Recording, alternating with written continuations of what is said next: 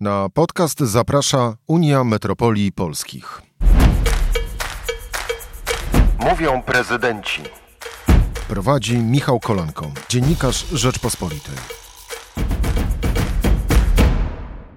Dzień dobry, Michał Kolanko, podcast Mówią prezydenci. Państwa i moim gościem w dzisiejszym odcinku jest Jakub Mazur, wiceprezydent Wrocławia. Dzień dobry. Dzień dobry, kłaniam się z Wrocławia. Jest mi niezwykle miło, że będę mógł dzisiaj nie tylko z panem redaktorem, ale ze wszystkimi zainteresowanymi porozmawiać trochę o miastach, szczególnie w kontekście Wrocławia. Tak, bo dyskusja o miastach toczy się równolegle, jeśli w, takie mam wrażenie, z dyskusją o wychodzeniu z pandemii koronawirusa. E, ta trzecia fala ustępuje i, i pytanie jest e, takie ogólne, jak, jak pan widzi tą debatę o właśnie no, o rozwoju miast y, po pandemii. Co pandemia ujawniła, jeśli chodzi o potrzeby y, miast i czy ujawniła coś, y, coś nowego, zwłaszcza jeśli chodzi o oczywiście o Wrocław, o Pana doświadczenie. I później myślę, będziemy mogli przejść do, tej strategii, właśnie jeśli chodzi o Wrocław i o miasto jako takie, o jego rozwój. Oczywiście, to rzeczywiście mamy szerokie spektrum co się nie zmieniło, to mm, parafrazując czy nawiązując do mm, tezy Benjamina Barbera, współcześnie niezmiennie to właśnie miasta są siłą napędową cywilizacji i w Polsce, i na świecie, i w Europie. E, co to tak naprawdę kształtuje, czy w jaki sposób determinuje? Że to na nas spoczywa odpowiedzialność pewnego mm, multiplikowania procesów, które są, które mają miejsce, tych y, miastotwórczych, regionotwórczych e, i narodowotwórczych, a, a, a następnie mm, w wielu płaszczyznach, bo to i gospodarczej, i kulturalnej, i społecznej, e, i również takiej w człowiekocentrycznej, mm, no, jesteśmy tym punktem, w którym rzeczywiście wszystkie te procesy albo się kształtują, albo są realizowane, albo się transformują. COVID to niewątpliwie taki akcelerator tego wszystkiego, o czym powiedziałem, ale przechodząc na konkretną płaszczyznę, można powiedzieć, że COVID ujawnił wszystkie słabości czy mankamenty i niedostatki funkcjonowania miasta jako tej bardzo złożonej macierzy różnych czynników, tych społecznych, gospodarczych, akademickich, kulturowych, y, związanych z naturą, mm, urbanistycznych, y, transportowych i tak dalej, i tak dalej. E, to panu słowo. Jedna, jedna rzecz, ale w takim razie, e, co ujawnił, e, co ujawnił we Wrocławiu? Jakie konkretnie Dobrze. rzeczy się stały bardziej widoczne właśnie poprzez przez ten ponadroczny czas pandemii? Mhm to zacznę od pozytywnych rzeczy. Rzeczywiście Wrocław, z uwagi na kształtującą się od lat pewną politykę mm, inwestycji i w sektory mm, IT, i w, w nowoczesny przemysł, e, i w, w różne relacje międzynarodowe, pozwoliło to Wrocławiowi urosnąć. Ja tylko powiem, przypomnę rzecz, z której jesteśmy niezwykle dumni, a mianowicie to, że na początku tego roku Financial mm, Times głosił e, Wrocław jako miejsce numer jeden na świecie e, Foreign Direct Investment City. E, oczywiście w kategorii tych miast poniżej miliona, czyli małych i średnich. Tym niemniej byliśmy 15 miastem na całym świecie, jeżeli postrzegamy wszystkie miasta, wliczając Singapur, Londyn, Dubaj, Nowy Jork. W związku z tym pokazuje to siłę i również konsekwencje działań, które miały miejsce wcześniej. W COVID-zie mieliśmy okazję pokazać, że te kompetencje, te talenty ludzkie, ale również y, procesowe, które były zbierane przez Wrocław, przez włodarzy, przez biznes, przez ośrodki akademickie przez te lata, stały się niezwykle atrakcyjne nie tylko dla jego mieszkańców, dla polskich inwestorów czy regionalnych inwestorów, ale również dla tych całego świata. Ja przed chwilą byłem na spotkaniu z kolejnym inwestorem, który już się zdecydował, a wygraliśmy, panie redaktorze, z Lizboną, a wcześniej były postrzegane inne miasta, stolice krajów zachodnich. E, także na tym skorzystaliśmy. Skorzystaliśmy również na pewnych czynnikach związanych e, z budową tożsamości czy unifikacji, to jest ta warstwa społeczna, bo zarówno we Wrocławiu, ale wiem od koleżanek i kolegów z innych samorządów, że to miało miejsce e, w całej Polsce. Ta solidarność biznesu czy wsparcie, mm, e, budowanie tej spójności z tymi najsłabszymi miało miejsce. To są miliony złotych e, dotacji, tysiące różnych gestów, nie tylko finansowych, ze strony mm, właśnie ludzi, dobrej woli, dobrego serca, tych, którzy się poczuwali y, do tego, że są wrocławianinami y, i dla wrocławian chcą tworzyć jakieś większe dobro. To z kolei również zupełnie nowe spojrzenie czy akceleracja na zagadnienia związane z programami czy z całymi filozofiami, można to lepiej ująć, Green Deal, transformacją karty lipskiej i związanych z tym, z tych fundamentalnych założeń do tego, jak nasze miasto ma się rozwijać, szczególnie postpandemicznie, czyli w tym ujęciu, w którym i trochę nawyki ludzkie się zmieniły, i trochę przestrzenie biurowe zaczęły mieć inną funkcję, jak również same potrzeby mieszkańców i ich mieszkaniówka, można powiedzieć, czyli dostęp do zieleni, dostęp do balkonu, dostęp do sklepu, dostęp do opieki medycznej trochę inaczej powinno wyglądać. Konsekwencja tego jest bardzo realna. We Wrocławiu przystąpiliśmy do dokumentu, który ma fundamentalne znaczenie, można powiedzieć, dokumentu numer jeden, a mianowicie studium zagospodarowania przestrzennego, które kształtuje później plany miejscowe, kształtuje decyzje o warunkach zabudowy, kształtuje również funkcje poszczególnych obszarów miasta. Jednocześnie też posiadając taki dokument strategiczny e, zatwierdzony w 2018, mm, a mianowicie strategia Wrocław 2030, stwierdziliśmy, że choćby pod kątem osiągnięcia neutralności klimatycznej, zeroemisyjności, tych norm, które narzuca na nas e, i pod którymi się podpisaliśmy oczywiście jako kraj, jako członek Unii Europejskiej, Unia Europejska, e, no to tworzymy strategię 2050. Jakie są negatywne rzeczy? Bo no właśnie, pewnie są redaktor... Pytanie, no też wydaje mi się, że to jest e, ważne pytanie, bo bez poznania pewnych e, negatywnych czy tam czy słabszych rzeczy każdej struktury, każdej jednostki, każdego, każdej organizacji czy miasta, też nie da się ich poprawić. Więc pytanie, co COVID ujawnił e, takiego mniej pozytywnego, negatywnego? To zacznijmy od liczb. Rzeczywiście mm, pokazał to, że w wielu instytucjach nie byliśmy przygotowani na sytuacje awaryjne, czyli czasami nawet te sztandarowe agendy, które sądziły, że są bardzo doskonale nawet przygotowane do tego, żeby radzić sobie po pierwsze z sytuacją pandemiczną, czyli tą czysto zdrowotną i zabezpieczeniem tych podstawowych, bazowych potrzeb obywateli Wrocławia i nie tylko, bo to jako stolica regionu również mamy trochę szersze te funkcje. E, nie do końca były na to gotowe, ale to jest sytuacja, można powiedzieć, ogólnoświatowa i czy to w Nowym Jorku, czy, czy w Dubaju, czy w, w takich czy w Singapurze nawet, który akurat doskonale sobie z tym poradził, e, były te pierwsze, można powiedzieć, zawahania czy bóle związane z tym, że nie wiemy, co robić. Mówimy również o e, biznesie, który nawet po tych tłustych latach wiele sektorów, no szczególnie te najbardziej dotknięte hotelarsko-gastronomiczne, e, kilka z nich zniknęło na zawsze z mapy Wrocławia, pomimo tego, że miały bardzo bogatą i w czasie, i e, w, w głębokości wydarzeń historię. Nie ma ich już.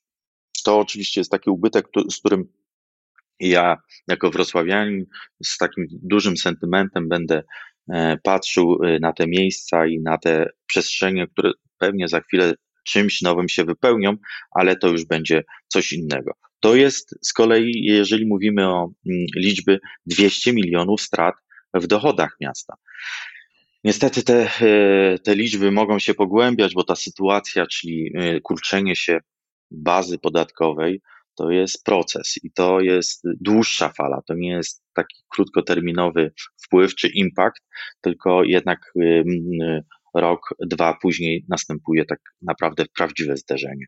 To jest również dodatkowa pozycja budżetowa. Przypomnę, Wrocław ma około 6 miliardów budżet, więc może się wydawać, że 100 milionów, które przeznaczyliśmy na e, walkę z pandemią, to nie jest za dużo. Przy czym struktura wszystkich budżetów miejskich polega na tym, że my mamy wszystkie koszty napięte, można powiedzieć, co do promila, a e, przychody no, są taką zmienną, której w momencie, kiedy spadają, nie mamy pokrycia dla kosztów, oczywiście zgodnie z, z zachowaniem mm, finansów publicznych, czy dostosowaniem się do ustawy o finansach publicznych, no, musimy te wskaźniki zachowywać, jeżeli nie chcemy zarządu komisarycznego. W związku z tym te, te 100 milionów to, to jest nie, niezwykle duży wydatek i poświęcenie pokazujące, że ch chcieliśmy również pomóc tym przedsiębiorcom e, i przeznaczyliśmy na to bezpośrednio dla nich, czy to w czynszach, czy to w zwolnieniach e, podatkowych, ich rozłożeniu, 30 milionów. Tak jak mówię, to jest to jest niezwykle istotna i wielka pomoc, którą oni utrzymali, dlatego część z nich przetrwało. To również 12 milionów na pomoc bezpośrednio już dla rodzin, dla NGO-sów, trochę dla instytucji kultury i sportu, tak żeby rzeczywiście nie tracić tej bezcennej miastotwórczej tkanki, którą nie jesteśmy w stanie odtworzyć e, no, z dnia na dzień, a niestety bardzo szybko się e, mogłaby odkurczyć wracając do tej strategii rozwoju, bo mówił Pan tutaj e, w naszej rozmowie kilkukrotnie o tym pojęciu przyspieszenia. Więc pytanie, w którym kierunku teraz Wrocław po pandemii, załóżmy, że jesteśmy optymistami, że ta trzecia fala będzie w tej formie ostatnią i w takim razie jaki jest, jaki jest pomysł na Wrocław po pandemii. Co się zmieniło w tym pomyśle od tych pomysłów, które były już e, wcześniej prezentowane przez e, pana, czy wcześniej jeszcze mm, pana prezydenta Jacka Sutryka, na przykład w czasie, w czasie kampanii? Co, co przyspieszyło, jaki jest właśnie pomysł na Wrocław ten, po tym przyspieszeniu? Mm. Na czym ma się to miasto opierać? Oczywiście. Tak naprawdę jest kilka filarów i te filary mają swoje odniesienie można powiedzieć, w niczym nowym, w niczym, tutaj prochu nie wymyślamy. Chcemy, żeby Wrocław był bardziej zielony, e, no bo tego wymaga również zdrowie, nie tylko fizyczne, ale, ale psychiczne naszych mieszkańców i tak naprawdę inwestycja w to, mm, czy akceleracja, przyspieszenie dobrych inwestycji w dobrą, zrównoważoną zieleń dostępną dla każdego mieszkańca e, jest jak najbardziej w tej chwili priorytetem to nie jest tylko e, wpływ samego COVID-u czy mm, Green Dealu jako e, strategii wiodącej mm, wszystkich dokumentów europejskich, ale to jest tak naprawdę potrzeba i rozmowy z naszymi mieszkańcami, szczególnie tymi, którzy bardzo aktywnie w czasie COVID-u wskazywali nam, czego im brakuje, a wiadomo, że tych potrzeb było du dużo. To z kolei mm, e, przewartościowanie naszego myślenia o planowaniu przestrzennym, czyli właśnie ten odniesienie znowu do dokumentu mm, e, właśnie tworzonego w tym razem pod wymiar post-covidowego miasta, które może się rozwijać za 20 czy za 30 lat e, w trochę innym kierunku i musimy mieć zabezpieczone tereny, jak choćby po to, żeby móc e, budować specjalne strefy pod zieloną energię, pod dostęp do terenów związanych z naszą polityką Blue Green, czyli te cztery rzeki z wiodącą odrą przepływających i ich potencjał, zarówno ekonomiczny, ale głównie ten e, miastotwórczy w postaci rekreacji, w postaci e, adaptacji czy mitygacji zmian e, klimatycznych, ma kolosalny wpływ. To jest myślenie na temat, w jakiej dzielnicy, w myśl naszych wrocławskich osiedli kompletnych, jesteśmy w stanie stworzyć takie perfekcyjne miasto. Paryżanie y, w swojej strategii określili to miastem 15-minutowym. My to określamy miastem osiedli kompletnych, czyli osiedli, w których się bardzo dobrze mieszka, bardzo dobrze pracuje, bardzo dobrze uczy, bardzo dobrze zaspokaja potrzeby społeczne, potrzeby kulturalne, potrzeby no, życiowe i czuje się naprawdę bezpiecznie. Czyli y, minimalizujemy swój ślad węglowy, minimalizujemy e, konsumpcję e, energii, ale też poprzez oszczędność czasu i właśnie te minimalizacja mm, naszych zasobów, mm, jesteśmy w stanie znacząco podnieść sobie jakość życia nam i naszym rodzinom, naszym, naszym mieszkańcom. To również trochę inne spojrzenie na biznes mm, pod kątem, gdzie my tak naprawdę znajdujemy tą siłę i ten y, dochód, czyli ten Ale dochód krajowy. Jedna, jedna, jedna rzecz, bo mówi Pan o.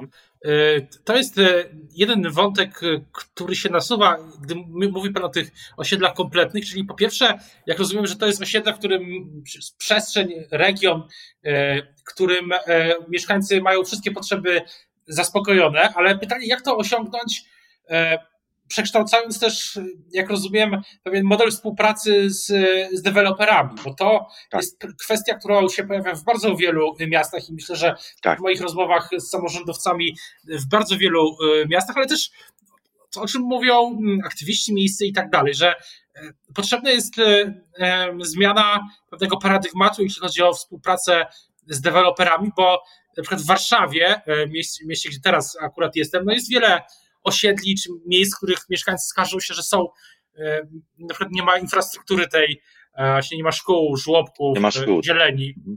Jak to rozwiązać? Bo wiem, że we Wrocławiu też takie z różnych miejsc głosy się pojawiają, czegoś zawsze brakuje. Więc jak, jak współpracować z deweloperami tutaj w tej sferze? Jasne, panie, panie redaktorze, to, zmian? To jest, e, to jest bardzo dobre pytanie, bo e, rzeczywiście rozmawiając z samorządowcami, my cały czas się nad tym zastanawiamy. Mamy taki tak naprawdę nasz prosty model wrocławski stworzony, w którym e, jesteśmy w stanie bardzo wnikliwie do wysokiego poziomu szczegółowości dojść, co jest potrzebne na przykład na 20-hektarowej działce, która chce być zabudowana przez obecnego właściciela, ewentualnie inwestora, który to kupił. I tam rzeczywiście poprzez ten pryzmat patrzenia na ilość obywateli, dzieci, w czasie mm, związanych z tym ruchem transportowym, dostarczeniem tych naszych nowych, najlepiej zeroemisyjnych czy niskoemisyjnych mm, e, transportu publicznego, autobusów, tramwajów, czy, czy też e, mm, e,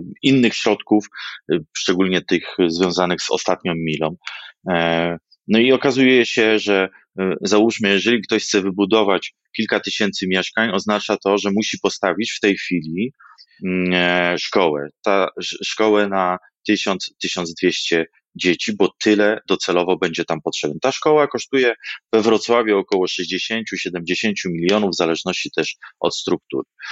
E, do tego musi oczywiście zadbać o całą zieloną przestrzeń, e, o doskonałe skomunikowanie z innymi częściami Mm, e, Wrocławia, tak aby dojazd, wjazd, e, czyli miejsca parkingowe, ich struktura, ich ilość, e, zadbanie o dostęp do dworca kolejowego, jeżeli taki jest w sąsiedztwie. I teraz podając bardzo mm, wyobrażeniowo, hipotetycznie, ten deweloper, który chce wybudować, załóżmy, 100 tysięcy metrów kwadratowych, musi położyć na stole 100-150 milionów złotych. To jest bardzo hipotetyczny przykład, ale on niewiele może się różnić, jeżeli byśmy wzięli jakiś pierwszy z brzegu. I to oznacza, mhm. to oznacza, że rzeczywiście przy 100 tysiącach metrów kwadratowych, jeżeli ma położyć 100 milionów dla uproszczenia, to oznacza, że do każdego metra kwadratowego mieszkania musi doliczyć 1000 złotych. To jest oczywiście kwota, która jeszcze w Polsce nie miała miejsca, E, chyba że mówimy o bardzo takich punktowych rozwiązaniach, ekskluzywnych, ale małych. Przy całych osiedlach jeszcze nie, kilkaset złotych się pojawiało. Ale my w takim momencie, jeżeli ten nasz partner, bo bardzo otwarcie rozmawiamy, my czytamy bilanse, jeżeli to jest spółka giełdowa, wiemy jaką e, ma marżę, wiemy jaki jest dochód, przeliczamy za tego partnera łącznie e, z kosztem kapitału w czasie, łącznie ze wskaźnikami, parametrami finansowymi. Jako służby jesteśmy bardzo wnikliwie, mam nawet taki wewnętrzny model, w którym staramy się to określić, żeby to było uczciwe, żebyśmy nie oszukiwali ani partnera, nie naciągali go na jakieś kwoty, ale jednocześnie mówimy mu bardzo otwarcie i bardzo e, po partnersku. Jeżeli pan, pani prezesie, tego nie e, jesteście gotowi, żeby to zrobić, to niestety na tych 20 hektarach, czy na tych na tej powierzchni państwa działki, zaplanujemy w tej chwili tylko trawę. Władztwo planistyczne daje nam skutecznie i poczekamy następne 10 lat. I to jest, panie redaktorze, bardzo odpowiedzialne podejście samorządowe, bo wiemy, że w tym momencie nie konsumujemy tego już w podatku dochodowym za kilka lat, jakby to powstało, ale jednocześnie nie tworzymy miasta, czy nie tworzymy tego kawałka miasta, które jest nieodpowiedzialne, które nie jest dobre do mieszkania. To są bardzo trudne decyzje, bo o wiele łatwiej by było podjąć decyzję, że tak, wejdź, wybuduj te mieszkania, za chwilę my będziemy z tego mieli przynajmniej stały dochód mm, e, związany z podatkiem nieruchomości. Ale jednocześnie wiemy, że zrobimy krzywdę tym mieszkań, mieszkańcom Wrocławia, że jako miasto w konsekwencji nie będziemy ciekawi. To znaczy, też, mhm. przez, przez ostatnie kilkanaście lat te bóle wzrostowe spowodowały, że w każdym polskim dużym mieście są osiedla, w których już nie, chce, nie chcą mieszkać e, mieszkańcy. I teraz jesteśmy w tym momencie, w którym my, jako odpowiedzialni, posiadający instrumenty władztwo planistyczne, jesteśmy w stanie żądać tego od deweloperów. Co więcej, nawet ustawa lokal za grunt, a szczególnie w działkach, w których my mamy swoje tereny sąsiadujące, jesteśmy w stanie wspólnie z tym deweloperem, mamy kilka takich projektów na stole we Wrocławiu, wspólnie z tym deweloperem tworzyć to miasto, czyli oddając naszą i tak rezerwę pod szkołę często, bądź też pod y, publiczne, więc y, mniej wartościowe z punktu widzenia dewelopera y, tereny, oddając y, te tereny właśnie temu deweloperowi, wchodzimy w coś w rodzaju takiego development e, deal, w którym oni jako nasi partnerzy deklarują, zobowiązują się do postawienia tych funkcji, mm, y, które są niezbędne, żeby to osiedle miało przynajmniej co do swojego założenia znamiona osiedla kompletnego. I też jest jedno pytanie, które się narzuca, tu wejdę panu słowo. Mhm, jedno pytanie, które się narzuca jeszcze jedno, bo mówi pan o tych osiedlach kompletnych we Wrocławiu, jako takich e, jednostkach, regionach, w których mieszkańcy będą mieli wszystko, co, czego potrzebują, e, żeby, ale też pytanie jest, czy jak się mają poruszać między tymi osiedlami, bo e, jedyną odpowiedzią jest oczywiście transport publiczny, Mhm. Ale pamiętam na przykład y, niedawno Wrocław, z tego co pamiętam, zrezygnował z zakupu 30 e, tramwajów. Jest debata o cenach biletów, więc y, jak się poruszać między tymi osiedlami kompletnymi i z, i z drugiej strony to jest jedna, jedna jakby strona tego pytania, druga jest co z ulicami, czy jeśli będzie dylemat zwężać ulice, więcej zieleni, więcej mm, y, czy, i budować sieć tramwajową, to czy jest pan za tym? Mm, po pierwsze, rzeczywiście pewne ruchy populistyczne e, w sposób e, otwarty wpływają na to, że inwestycje na rzecz większego dobra nie mogą być wy, wykonane, czy nie, nasze MPK ma ograniczone. To, że część polityków czy część radnych, tutaj akurat w egzotycznej e, koalicji nowoczesnej z PiSem, chce uprawiać propagandę, okej, okay, mają do tego prawo, zostali wybrani. Tylko to jest nieodpowiedzialne i to rzeczywiście nie jest miasto twórcze, a miasto destruktywne, szczególnie w tym kontekście. Ale odpowiadając na, państw, na Pana pytanie, chciałem nie, odnieść się do tego, że rzeczywiście cała infrastruktura, a w tej chwili we Wrocławiu budujemy kolejne nowe linie tramwajowe, to jest pierwsza tego typu inwestycja mm, po zbudowaniu obecnej tkanki powojennej e, w tych czasach, to są olbrzymie, wieloset milionowe, a nawet miliardowe inwestycje. To jest zakup kolejnych 46 nowych tramwajów i remont kolejnych kilkudziesięciu, więc ten zeroemisyjny, no, jeżeli nie liczymy oczywiście tutaj tego, że węgiel, yy, który daje prąd, tworzy katastrofę w innym miejscu, ale punktowo zeroemisyjny mm, transport. To jest zakup 200 nowych y, autobusów o normie Euro 6, tylko y, wymiana ich z, z, wymiana z poprzedniego taboru autobusowego, to jest kolosalny skok. E, to jest aplikacja o kolejne autobusy elektryczne i w, w konsekwencji pracę nad wodorowym systemem za lat kilka, e, w którym jesteśmy. I teraz oczywiście te, całe, wszystkie te środki muszą się poruszać po e, maksymalnie bezpiecznych, wydzielonych, czyli efektywnych transportowo kanałach. No tutaj nie, nie chcę mówić o torowiskach, nie chcę mówić o buspasach, tylko chcę mówić o efektywnych, wydzielonych mm, pasach do komunikacji. Bo z mojej perspektywy niczym się nie różni e, autobus elektryczny od tramwaju, który porusza się po wydzielonym pasie. Różni się tym, że jest pięć e, razy tańszy w zakupie i później w eksploatacji. Ale mm, y, to, to oczywiście jest na barkach miasta. W związku z tym, oczywiście, wszyscy byśmy sobie życzyli, żeby mm, śladem Luksemburga każdy transport publiczny był darmowy. W tym kierunku idziemy, trzymamy kciuki i bardzo usilnie pracujemy, żeby ten okres e, nastąpił jak najszybciej, oby za naszego życia i mamy nadzieję, że tak będzie.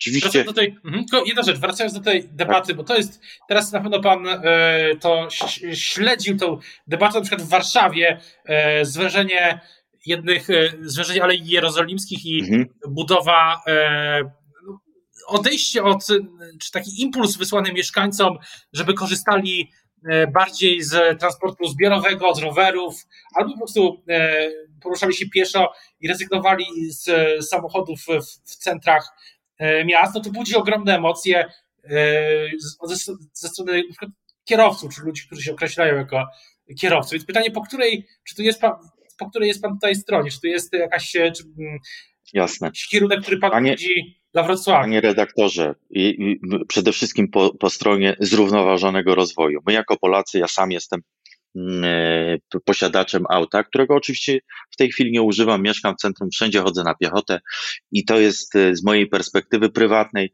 najlepszy sposób na y, używanie miasta i na najlepszy sposób na przemieszczanie się. Pracuję w centrum, mieszkam w centrum. Oczywiście to jest moje prywatna stanowisko, moje prywatne życie. Nie każdy y, tak chce, nie każdy się tak y, czuje. I też miejmy świadomość, że nie każdego y, na to stać, bo te mieszkania w centrach miast niestety zawsze są trochę droższe albo dużo droższe niż mieszkania na, na pograniczach czy gdzieś tam na peryferiach miast, ewentualnie domki już za granicami. Ale mm, Dążymy do tego, że w każdym zrównoważonym mieście, szczególnie tych północnych, tych skandynawskich, widzimy jak ostatnie 50 lat przesunięcie z ruchu typowo mm, kołowego, ale tego indywidualnego na transport zbiorowy, czy to szynowy, czy to kołowy, czy to rowerowy w końcu, e, w którym rzeczywiście te ruchy, te przyzwyczajenia e, zajęły też dziesiątki lat. My jesteśmy jako, można powiedzieć, mieszkańcy Polski, mieszkańcy polskich miast, jeszcze dosyć konserwatywni w tym naszym używaniu auta i nawet jeżeli mamy walking distance, ten dystans pieszy do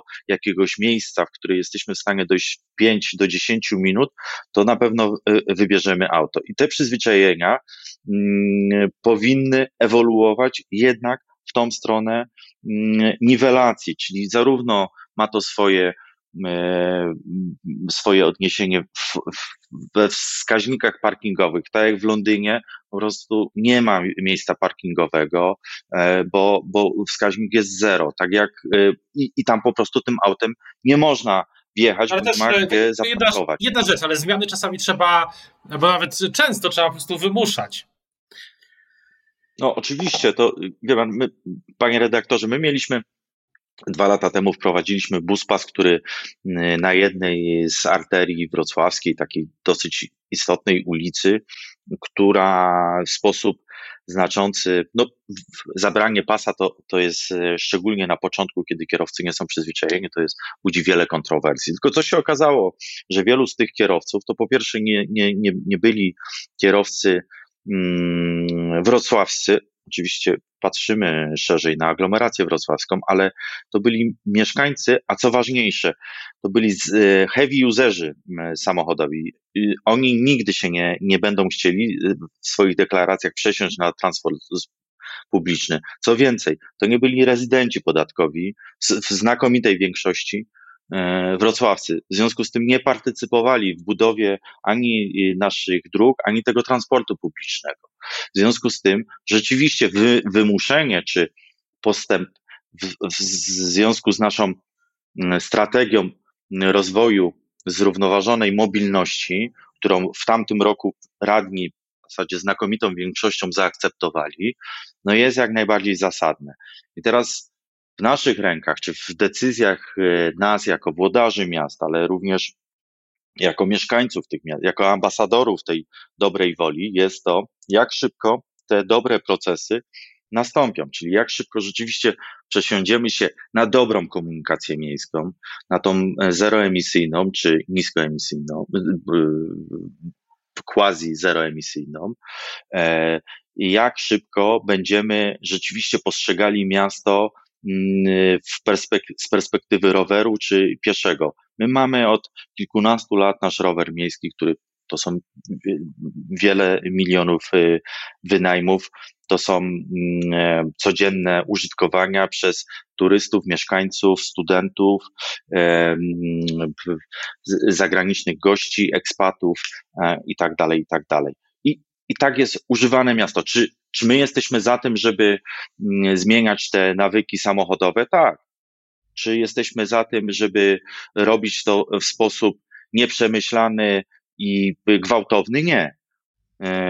Po to, po to została stworzona ta filozofia, konsultowana, co ważne, i po to ona ma miejsce, żeby rzeczywiście mm, ją wdrażać. Co więcej, jeżeli popatrzymy na różne miasta zachodnie, na te dobre przykłady, na Wiedeń choćby, który jest wzorowym miastem stawianym w wielu rankingach jako miasto idealne, czy miasto najlepsze z, z tych, które są wymieniane, no to i popatrzymy na strefy, gdzie można, a gdzie nie można wjechać, no to też będziemy wiedzieli, w jakim kierunku idzie duża stolica, e, czy to państwa, czy regionu, bo Wrocław jest stolicą Dolnego Śląska, po to, aby rzeczywiście komfortowo dostarczyć możliwość mieszkańcom nie tylko miasta, ale regionu, do dostępu do urzędów, do kultury, bo, y, bo w tych centrach, w tych stolicach właśnie znajdują się teatry, opery, ośrodki kultury, jak choćby NFM, czyli Narodowe Forum Muzyki, które nie może być z uwagi na konstrukcję choćby samego finansowania w każdym mieście, to również dostęp dla 115 tysięcy studentów wrocławskich do rozsianych po całym mieście budynków i instytucji. Czyli ta odpowiedzialność jest y, niezwykle szeroka i ona ma służyć każdemu. Nie służyć tylko kierowcom, ale kierowcy nie są szykanowani, po prostu nie są mm, faworyzowani.